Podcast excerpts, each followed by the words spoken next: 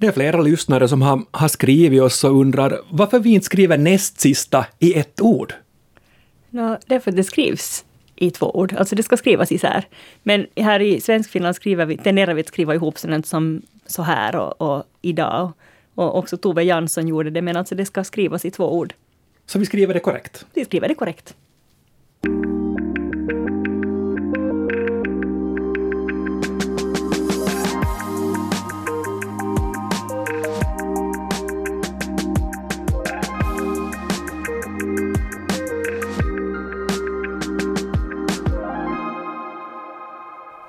Näst sista ordet är här igen och jag, Jens Berg, har slagit mig ner i studion i vanlig ordning med språkexperten Jenny Sylvin. Hej! Du är ju Jenny språkproffset av oss och du är dessutom sambo, åtminstone bor du ihop med ett rikssvenskt språkproffs. Du undervisar i språk och du vårdar det svenska språket i Finland. Men jag är nyfiken på om du trots allt det här blir missförstådd i Sverige eller gör bort dig i Sverige med din, med din finlandssvenska? Uh, jag jag har ju jobbat med det här i hela mitt vuxna liv, så, så det här att jag ska använda ord som på något sätt missförstås, förstås, så det sker oerhört sällan. Så sällan att jag faktiskt inte kommer på något just nu.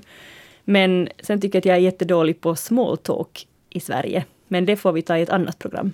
Ja, absolut. men du Jenny, det ska vi återkoppla till. Alltså det betyder det att vi, vi ska göra det, men jag försökte. ja, du förstår. Du, du lät inte helt övertygad. Nej, nej, small talk. Äh, men, men det är intressant det där, för att jag, jag upplever också att jag är åtminstone tämligen språkligt medveten. Jag har vuxit upp med, med svenska medier, jag har vuxit upp med svensk kultur och jag jobbar en hel del i, i Sverige idag också. Men, men för mig blir det nog ändå fel. Jag, jag tänker nu senast på, på, min, på min svåger. Han är svensk alltså, född, född i Sverige, uppvuxen i Sverige och är helt svensk. Och han, han kollade nog på mig när jag stod och talade jättelänge om batterierna. Och då hade han redan listat ut något att det handlar om batterierna i egna hemshuset, för att det hade jag sagt en gång tidigare också. Men, men för honom så tog det nog en tid att fatta att, att det var elementen jag, jag menar. Ja, det, det är ju en klassiker. Jag, jag, ser, jag talar om elementen hemma för att jag tycker att batterierna kanske är finlandism som jag inte personligen känner att jag behöver vårda. Sen finns det andra som jag vårdar, så att hemma hos oss talar vi om halare och, och andra sådana här byxbuntar och, och, andra finlandismer, trots att vi, vi då är liksom en... Det, det Sverige-svenska inslaget finns där. Men uh, ja, det, det, det, man, man, man gör lätt sådana här...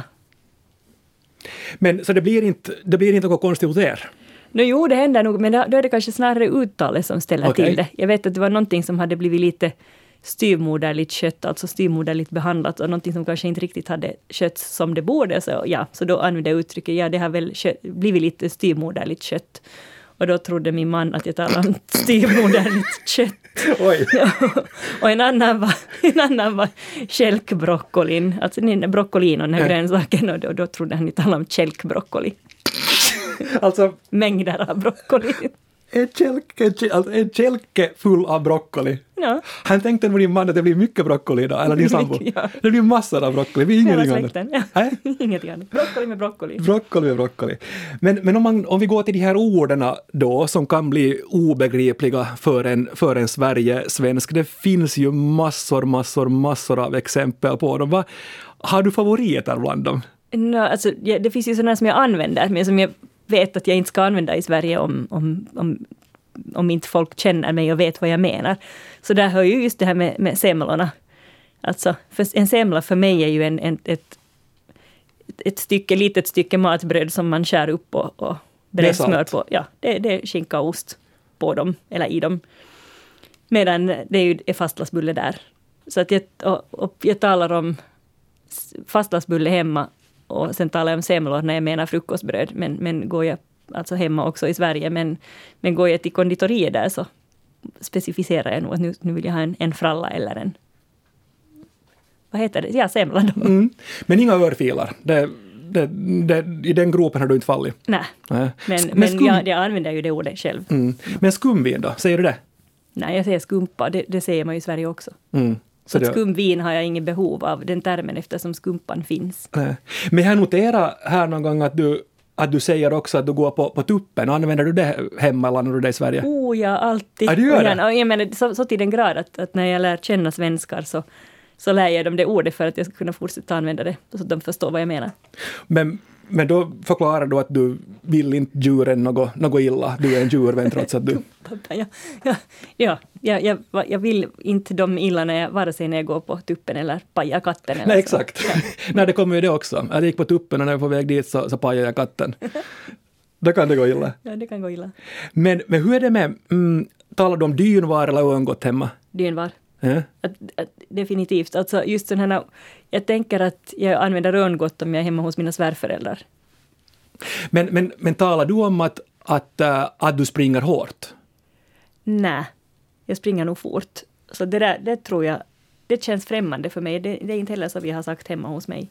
Nej, för jag reagerar på det där någon gång också att, att, uh, att Sverige svenskar, och det kan hända det mera, mera österbottniskt också, att, att, uh, att man löper, löper hårt att då blir det sådär att oj, att nu går det hårt i huvudet på, på henne eller på, på honom sådär, alltså nu, nu är det inte bra. Men det är alltså, nu... kanske så här finsk, finsk påverkan, Juosta Kova, att, att jag förstår ju helt att man tar in det.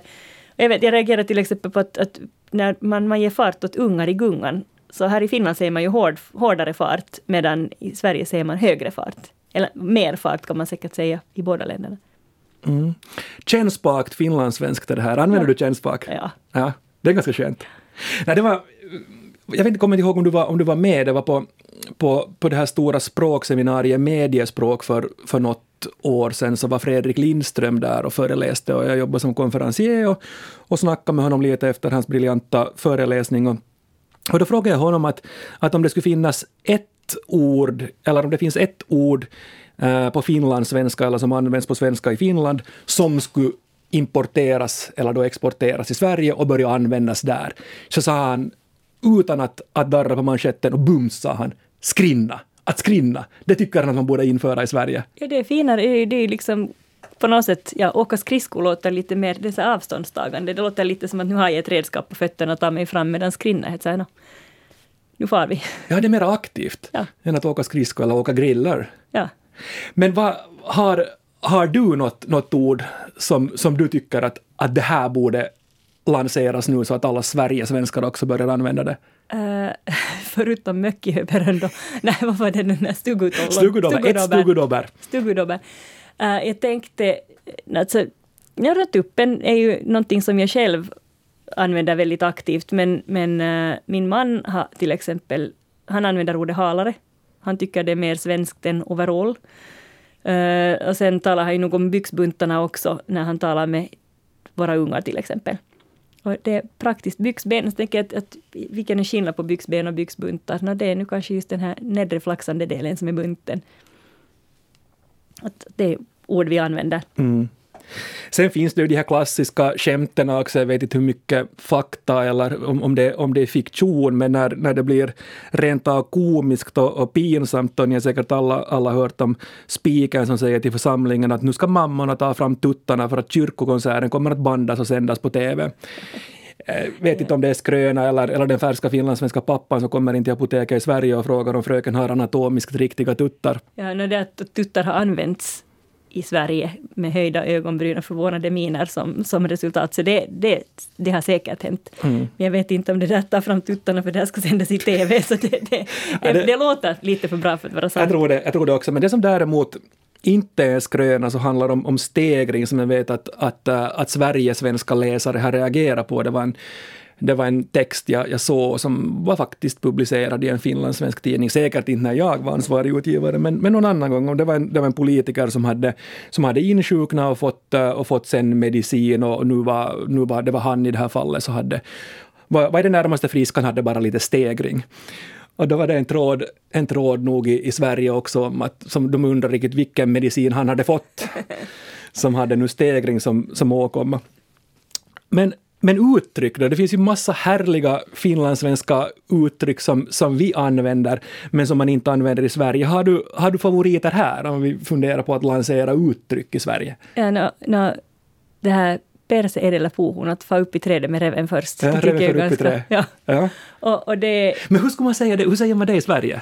Alltså det finns ju det här att spänna vagnen för hästen, men, men jag tror att det faktiskt är översättning av put the cart before the horse.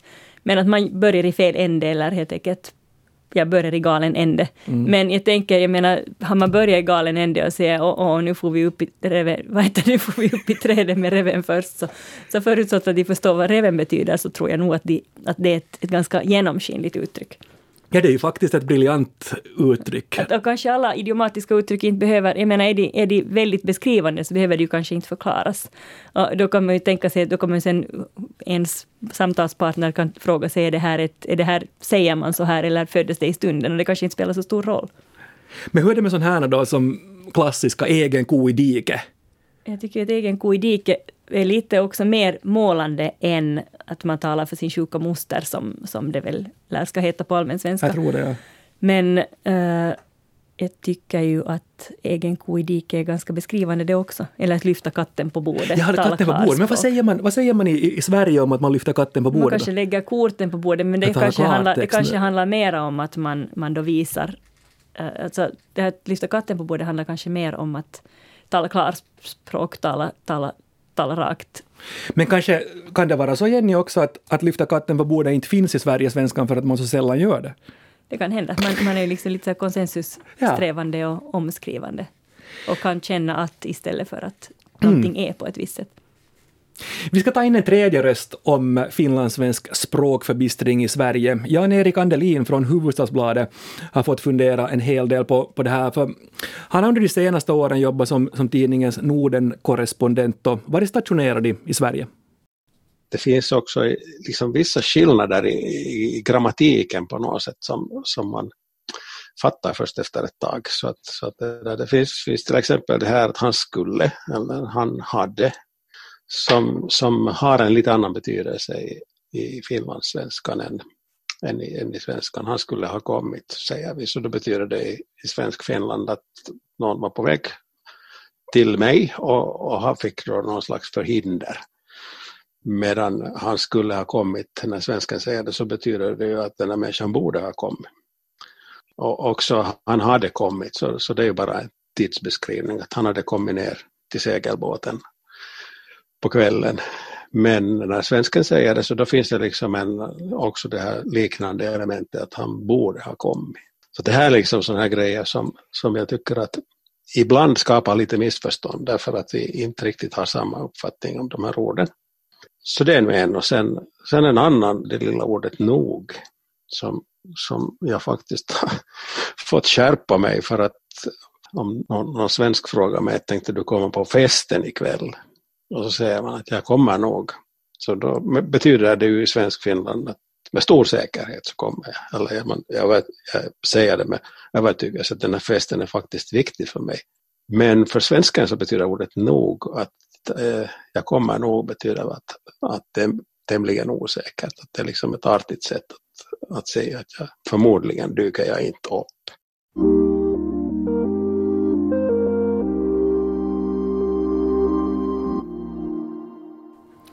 Här hörde vi Jan-Erik Erkki Andelin från Hufvudstadsbladet och det var vår kollega Martina Harms Aalto som hade, hade pratat med honom. Ja, det nog är ju någonting som, som vållar missförstånd också hemma hos mig. Det var nog vår kollega Martin Harms Aalto som hade pratat med honom. Det var med säkerhet, eller kanske var det. Nej, det var nog med säkerhet hon.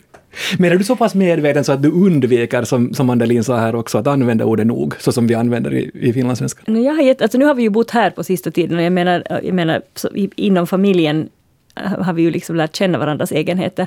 Men det händer nog att, jag, det händer nog att, att just de här små orden är jättesvåra att vara så medveten om att man inte ska använda dem. Jag hade annars också grammatikaliskt bra, bra poänger där, uh, Andelin. Har du andra grammatikaliska exempel eller, eller den här typen av nyansskillnader när vi använder hjälpverb eller, eller så, som, som Andelin exemplifierar? Vi talar lite annorlunda över, överlag. Och det här kommer kanske tydligare fram just sen när, man, när det handlar om text. Alltså, I talat språk så finns det så många andra variabler, alltså kroppsspråk och tonfall och annat som hjälper en. Men sen i text, när man bearbetar texter just för att de ska vara, sitta bra i en läsares... Ja, de ska liksom funka, funka som lästa texter, så blir det här någonting som, som man får vara mera noggrann med. Jag ska snart bråka med dig om texter, men, men jag, jag ska jag är ännu nyfiken på det där. Att om, Ja, nu har vi varit inne på, på ord och uttryck som, som, som kan översättas och som, kan, som, eller som har en annan, annan betydelse i, i, i Sverige än, än, i Finland på, på svenska. Men, men hur gör vi med, med ord på saker som, som inte finns i, i Sverige? Mat är ju till exempel en sån här, man har lite olika mattradition. Ja, som memma. Ja, no, memma, den heter ju memma. Och det är ganska okomplicerat. Man, man talar om memma och no, vet, vet någon inte vad det betyder, till exempel i en lästext, så får man ju bara slå upp det helt enkelt. Jag tänker att det kan störa läsningen mer att man sätter en, en fotnot eller memma som är en slags sötad rågmaltgröt som man äter till påsk. Det är liksom jag, jag tänker memma kanske räcker, men sen, sen, finns jag menar de här lådorna som vi äter i Finland som, som folk utomlands tycker är lite konstigt. Att, vad käkar ni för paffkartonger eller pappkartonger som man ser i Sverige? Men alltså, så, makaronilåda heter makaronpudding och, och leverlådan heter, håll i dig, korvkaka. Korvkaka? Ja, korvkaka. Den, den är ganska okänd i Sverige. Det är liksom, den finns inte i alla liksom, vad heter det, färdig, halvfabrikatshyllor i affärerna, utan det är någonting som man lagar själv. Det låter lite som en, en sån där billig och snabb variant av smörgåstårtan. Ja, typ. Men sen, men sen, finns sen har de ju å andra sidan sina lapskojs och isterband och sånt som jag inte har någon aning om vad det är. Nej. Och sen finns ju kälkbroccolin i Finland, liksom den enorma. Förlåt, jag bara kommer tillbaka till Jag tycker det är så fantastiskt med din kälkbroccoli. Men, men sen, sen, om du tar martorna. Martorna finns ju inte i, i, i Sverige och sådär. Nej, tyvärr. Nej, men hur, hur, hur gör man då? Jag tror man får förklara. Ja. Alltså, I sån här vanlig kommunikation så, så får man ju, att jag, jag är medlem i Martaförbundet och så får man berätta vad Martorna gör till exempel. Eller just det här med lottor och, och frontmannahus och annat. Så ganska ofta kan man ju då berätta vilken typ av vad det, vad det är fråga om. Sen i, inom skönlitteraturen så får man ju, jag är hela tiden på väg i den riktningen märker jag, men då får man kanske lite fatta beslut om hur, hur ska jag behandla det här ordet. Sen finns det ju ord, finlandssvenska ord som som har slagit igenom i Sverige, eller alltså åtminstone står i beråd att, att slå igenom talko så var ju sådär puttra här för en, för en tid sedan och höll på att bli, men, men du med, med bättre, bättre kännedom slog det igenom någonsin? Jag tror inte att det har slagit igenom, men det är ju ett jättebra ord. Mm. Volontärarbete. Jag läste någonstans här också att, att, äh, att det har blivit en liten kamp mellan, mellan Svensk, Finland och Norge om det här ordet talko då med gemensamma krafter, volontärt arbete och så får man kanske öl och korv efter att man har krattat gården och sådär. För ett ord som heter dugnad har du hört det? Jag har hört det och jag skulle just säga, men jag tycker att talko är bättre för dugnad, det är så ogenomskinligt. Så insåg jag att talko är minsann minst lika ogenomskinligt. Att vet man inte vad det är så får man ju inga ledtrådar om vad det handlar om. Äh, men vi ligger lite under nu, för, för, för dugnad, i Sverige håller man på att ta till sig dugnad nu för, för talko, för att dugnad kommer väl, tror jag, eller jag läste att det är liksom ett fornnordiskt, isländskt kommer då från att duga eller att göra rätt för sig eller, eller så. Vara duglig. Jag tänkte, sen kan det säkert vara regionala skillnader också. Jag tänker att Stockholm har, i Stockholm har kanske Talko en lite större marknad, medan i västra Sverige, säg Göteborg eller någonstans, så kan håller ni mig till storstäderna här så kan kanske dugnaden ha bättre chanser. Men hur är det med rodda då? Alltså Tove Jansson var ju inne på, på rodda och rådjur och, och sådär. Är det, är det någonting, fattar man, i, fattar man i Sverige när du säger att nu roddar du Martin? Nej, och det är så dumt. Alltså, jag tycker ju att rodda, och, och just vi är och, och så här, så jag tycker ju det är ett fint och bra och utmärkt ord på alla sätt. I Sverige använder man det, men det är liksom en roddare är en roadie, alltså de som sköter bandlogistiken när ett band åker ja, på gig och på turné ja, någonstans. Ja, precis. Ja. Så då är det liksom att, att rodda där betyder att sköta logistiken. Vet du, man hör att till exempel någon ensamstående förälder eller, eller vet du, partnern är på resa någonstans och nu fick jag rodda allt själv med barnen och då handlar det liksom om att vet du, fixa dem till skolan och laga mat och sånt här. Det är ju inte alls samma sak som vi gör när vi roddar. Nej, inte överhuvudtaget. Eller det kan ju vara i och för sig. Ja, vi, vi roddar, jag roddar nog jättemycket när jag fixar logistiken. Men, men just det, eller sen är det just det att man, någon roddar och så får man fixa det. Ja. När vi ska komma tillbaka till det här nu som, som du sa för några, några minuter sedan om, om texter och, och så, att det blir kanske ännu mera känsligt och noggrant där när man inte ser personens kroppsspråk och, och gestikulera och, och, och sådär. Du jobbar ju mycket med författare, du jobbar med, med litteratur, du, du läser igenom alster för ett förlag innan böckerna ges. Ja, det händer alltså att jag får manus som jag ska språkgranska innan de går i tryck. Och Och då handlar det ju ofta också, kan jag tänka mig, om att det är finlandssvenska författare som eventuellt kommer att ges ut i Sverige Ja. också. Hur, jag är jättenyfiken på det. Hur tänker du då? Alltså när du ser, ser en sån text, du får ett sånt manus, hur, hur, gör du? När jag kommenterar, alltså, kontexten är den att de manus jag får är alltid finlandssvenska. Och, och det här hur väl de har beaktat en svensk läsarkrets beror ganska mycket på hur erfaren författaren är, lite, lite vem hen aktivt har tänkt att hen skriver för. Och, och, och, mm, men jag kommenterar allt, jag är jättepetig. Så att jag kommenterar också sånt som jag kanske egentligen inte ska kommentera, sånt här som sakgrejer. Så att ett av de senaste manus jag läste, så där var det en, en fågel som sjöng i oktober. Då måste jag säga att hej, att den här fågeln sjunger inte i oktober. Att, att, och det, det, där kan ju författaren ha en viss för, en frihet att skriva om sånt som inte är möjligt, men jag påpekar nu det i alla fall och sen så får författaren ta ställning till det men, själv. ja. Men, men sen just när det gäller finlandismen, så det handlar kanske inte nödvändigtvis om just det här att använda ord som talko eller disponent eller annat som heter annat i Sverige. Utan det handlar kanske också just om en ordföljd eller att, att någonting är lite osmidigt. Och där har man ju nytta av just att ha föl- följt med svenska medier eller läst mycket. Och då kan man hitta liksom de här, skippa omvägarna och gå direkt på ett smidigare sätt uttrycka det som ska sägas. Men du, vi talar om det här också att du, att du, att du använder medvetet finlandismer eller finlandssvenska ibland för att ge en krydda. Hur tänker du med, med litteratur där? Är det, är det så också att du tänker att nå, i det här fallet så, så smyger vi in det här, lanserar det här för att det, att det är så bra? Ja, och sen är det också det här att, att vi ska ju känna igen oss. Det, det är ju, vi talade om dialekter i förra avsnittet, men det här att, att finlandssvenskan, den är vårt språk. Och när vi läser finlandssvensk litteratur så vill vi ju känna igen oss. Samtidigt behövs det i allmänhet ganska lite av den här finlandssvenska kryddan för att, för att ge den effekten. Att ibland i allmänhet vinner texter på att man tonar ner det lite. Men jag menar när jag språkgranskar så säger jag ju aldrig att du får inte skriva så här eller så här måste du göra, utan, utan jag kommer med förslag att, att det här kan uppfattas som si och så, att hur skulle det vara om du gör så här? Och då, då står det författarna fritt att välja. Jag kan ibland förstås skriva det här, eh, här då kan ni markera språkfel och då, då utgår jag ifrån att de ändrar det. Eller eh, det här ordet är obegripligt för en läsare utanför den här kontexten. Och sen går vi ju lätt också i den fällan att vi tror att finlandssvenskan på något sätt skulle vara homogen och det är den ju inte heller. Det är helt klart att vi har vår Helsingfors svenska och ofta så är det ganska liksom storstadsnormativt och då har vi liksom Helsingfors som är storstaden framom andra, sen har vi liksom Åbo. Men liksom att stadsmålet som kanske är påverkat av finskan känns ganska, kanske jättefrämmande för en person som kommer från Ekenäs eller Mm. Hotkär eller någon annanstans.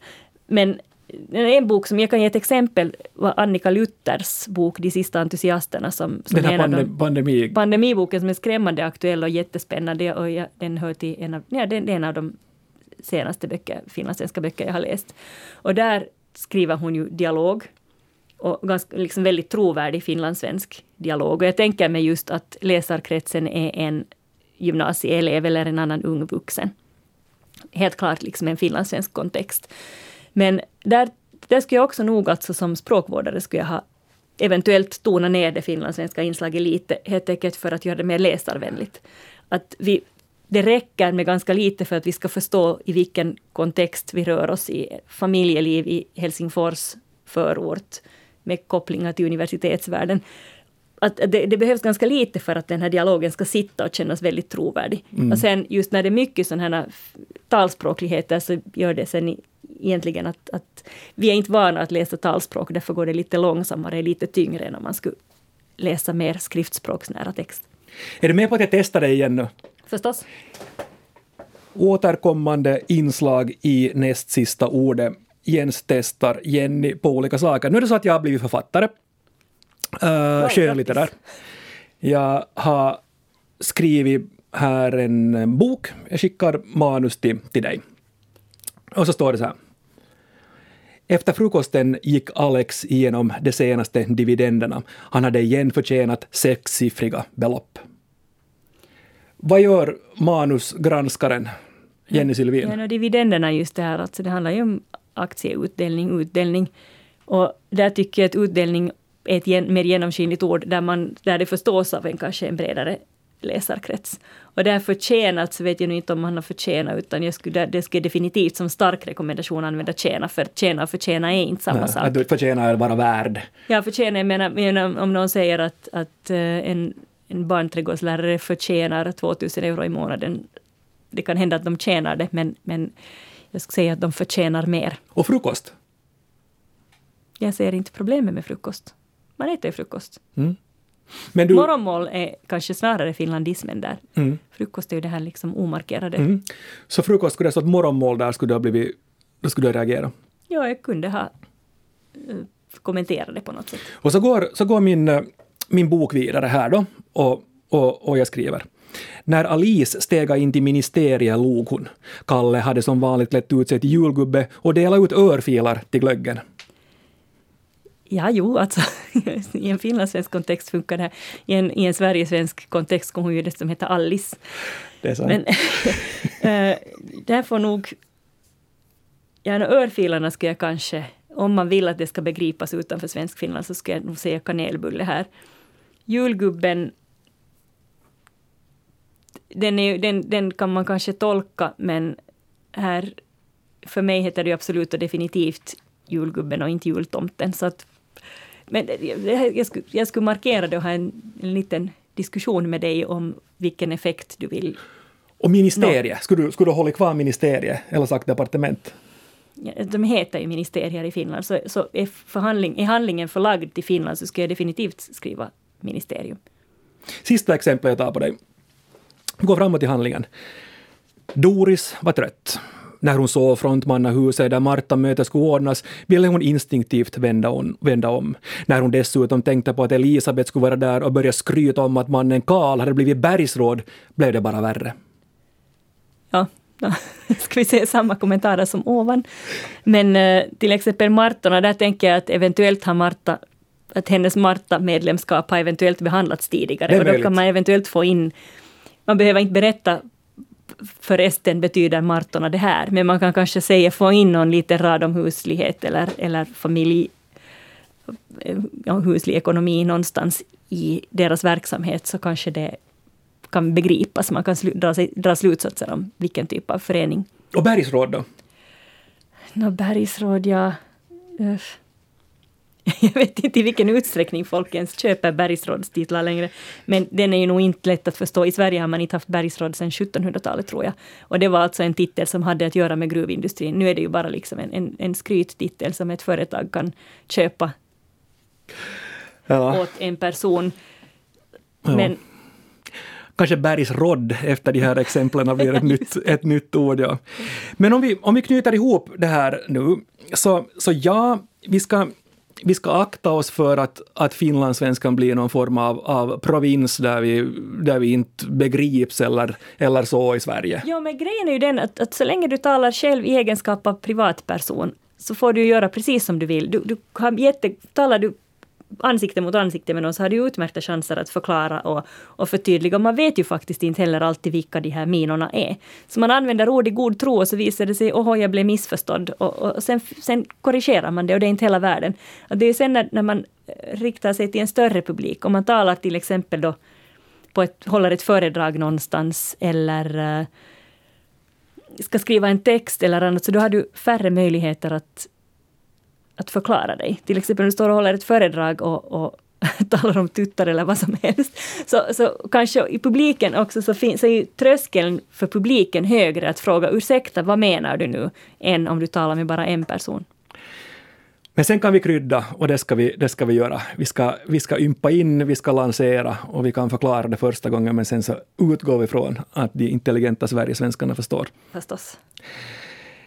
Nästa vecka så ska vi snacka om eh, när vi krånglar till det i språket och kanske exemplifiera då framförallt med kultur och konstkritik.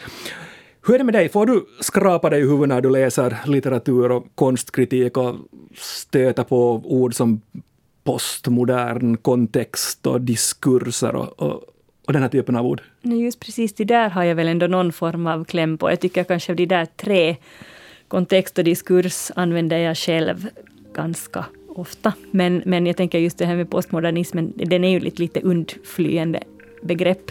Men ja, jo, det krävs ganska mycket ibland av kulturjournalistiken. Det ska vi snacka om nästa vecka. Skriv gärna till oss på nastsistaordet.yle.fi. Kommer ris, kommer ros, kom också med berättelser och tankar tankar på om hur ni förhåller er till svåra ord och som speciellt då kanske odlas i vissa recensioner. Vi är jätteglada över den respons vi har fått just Verkligen. det sker en interaktion med Verkligen. er lyssnare. Verkligen. Men nu säger Jenny och Jens morgens. morgens.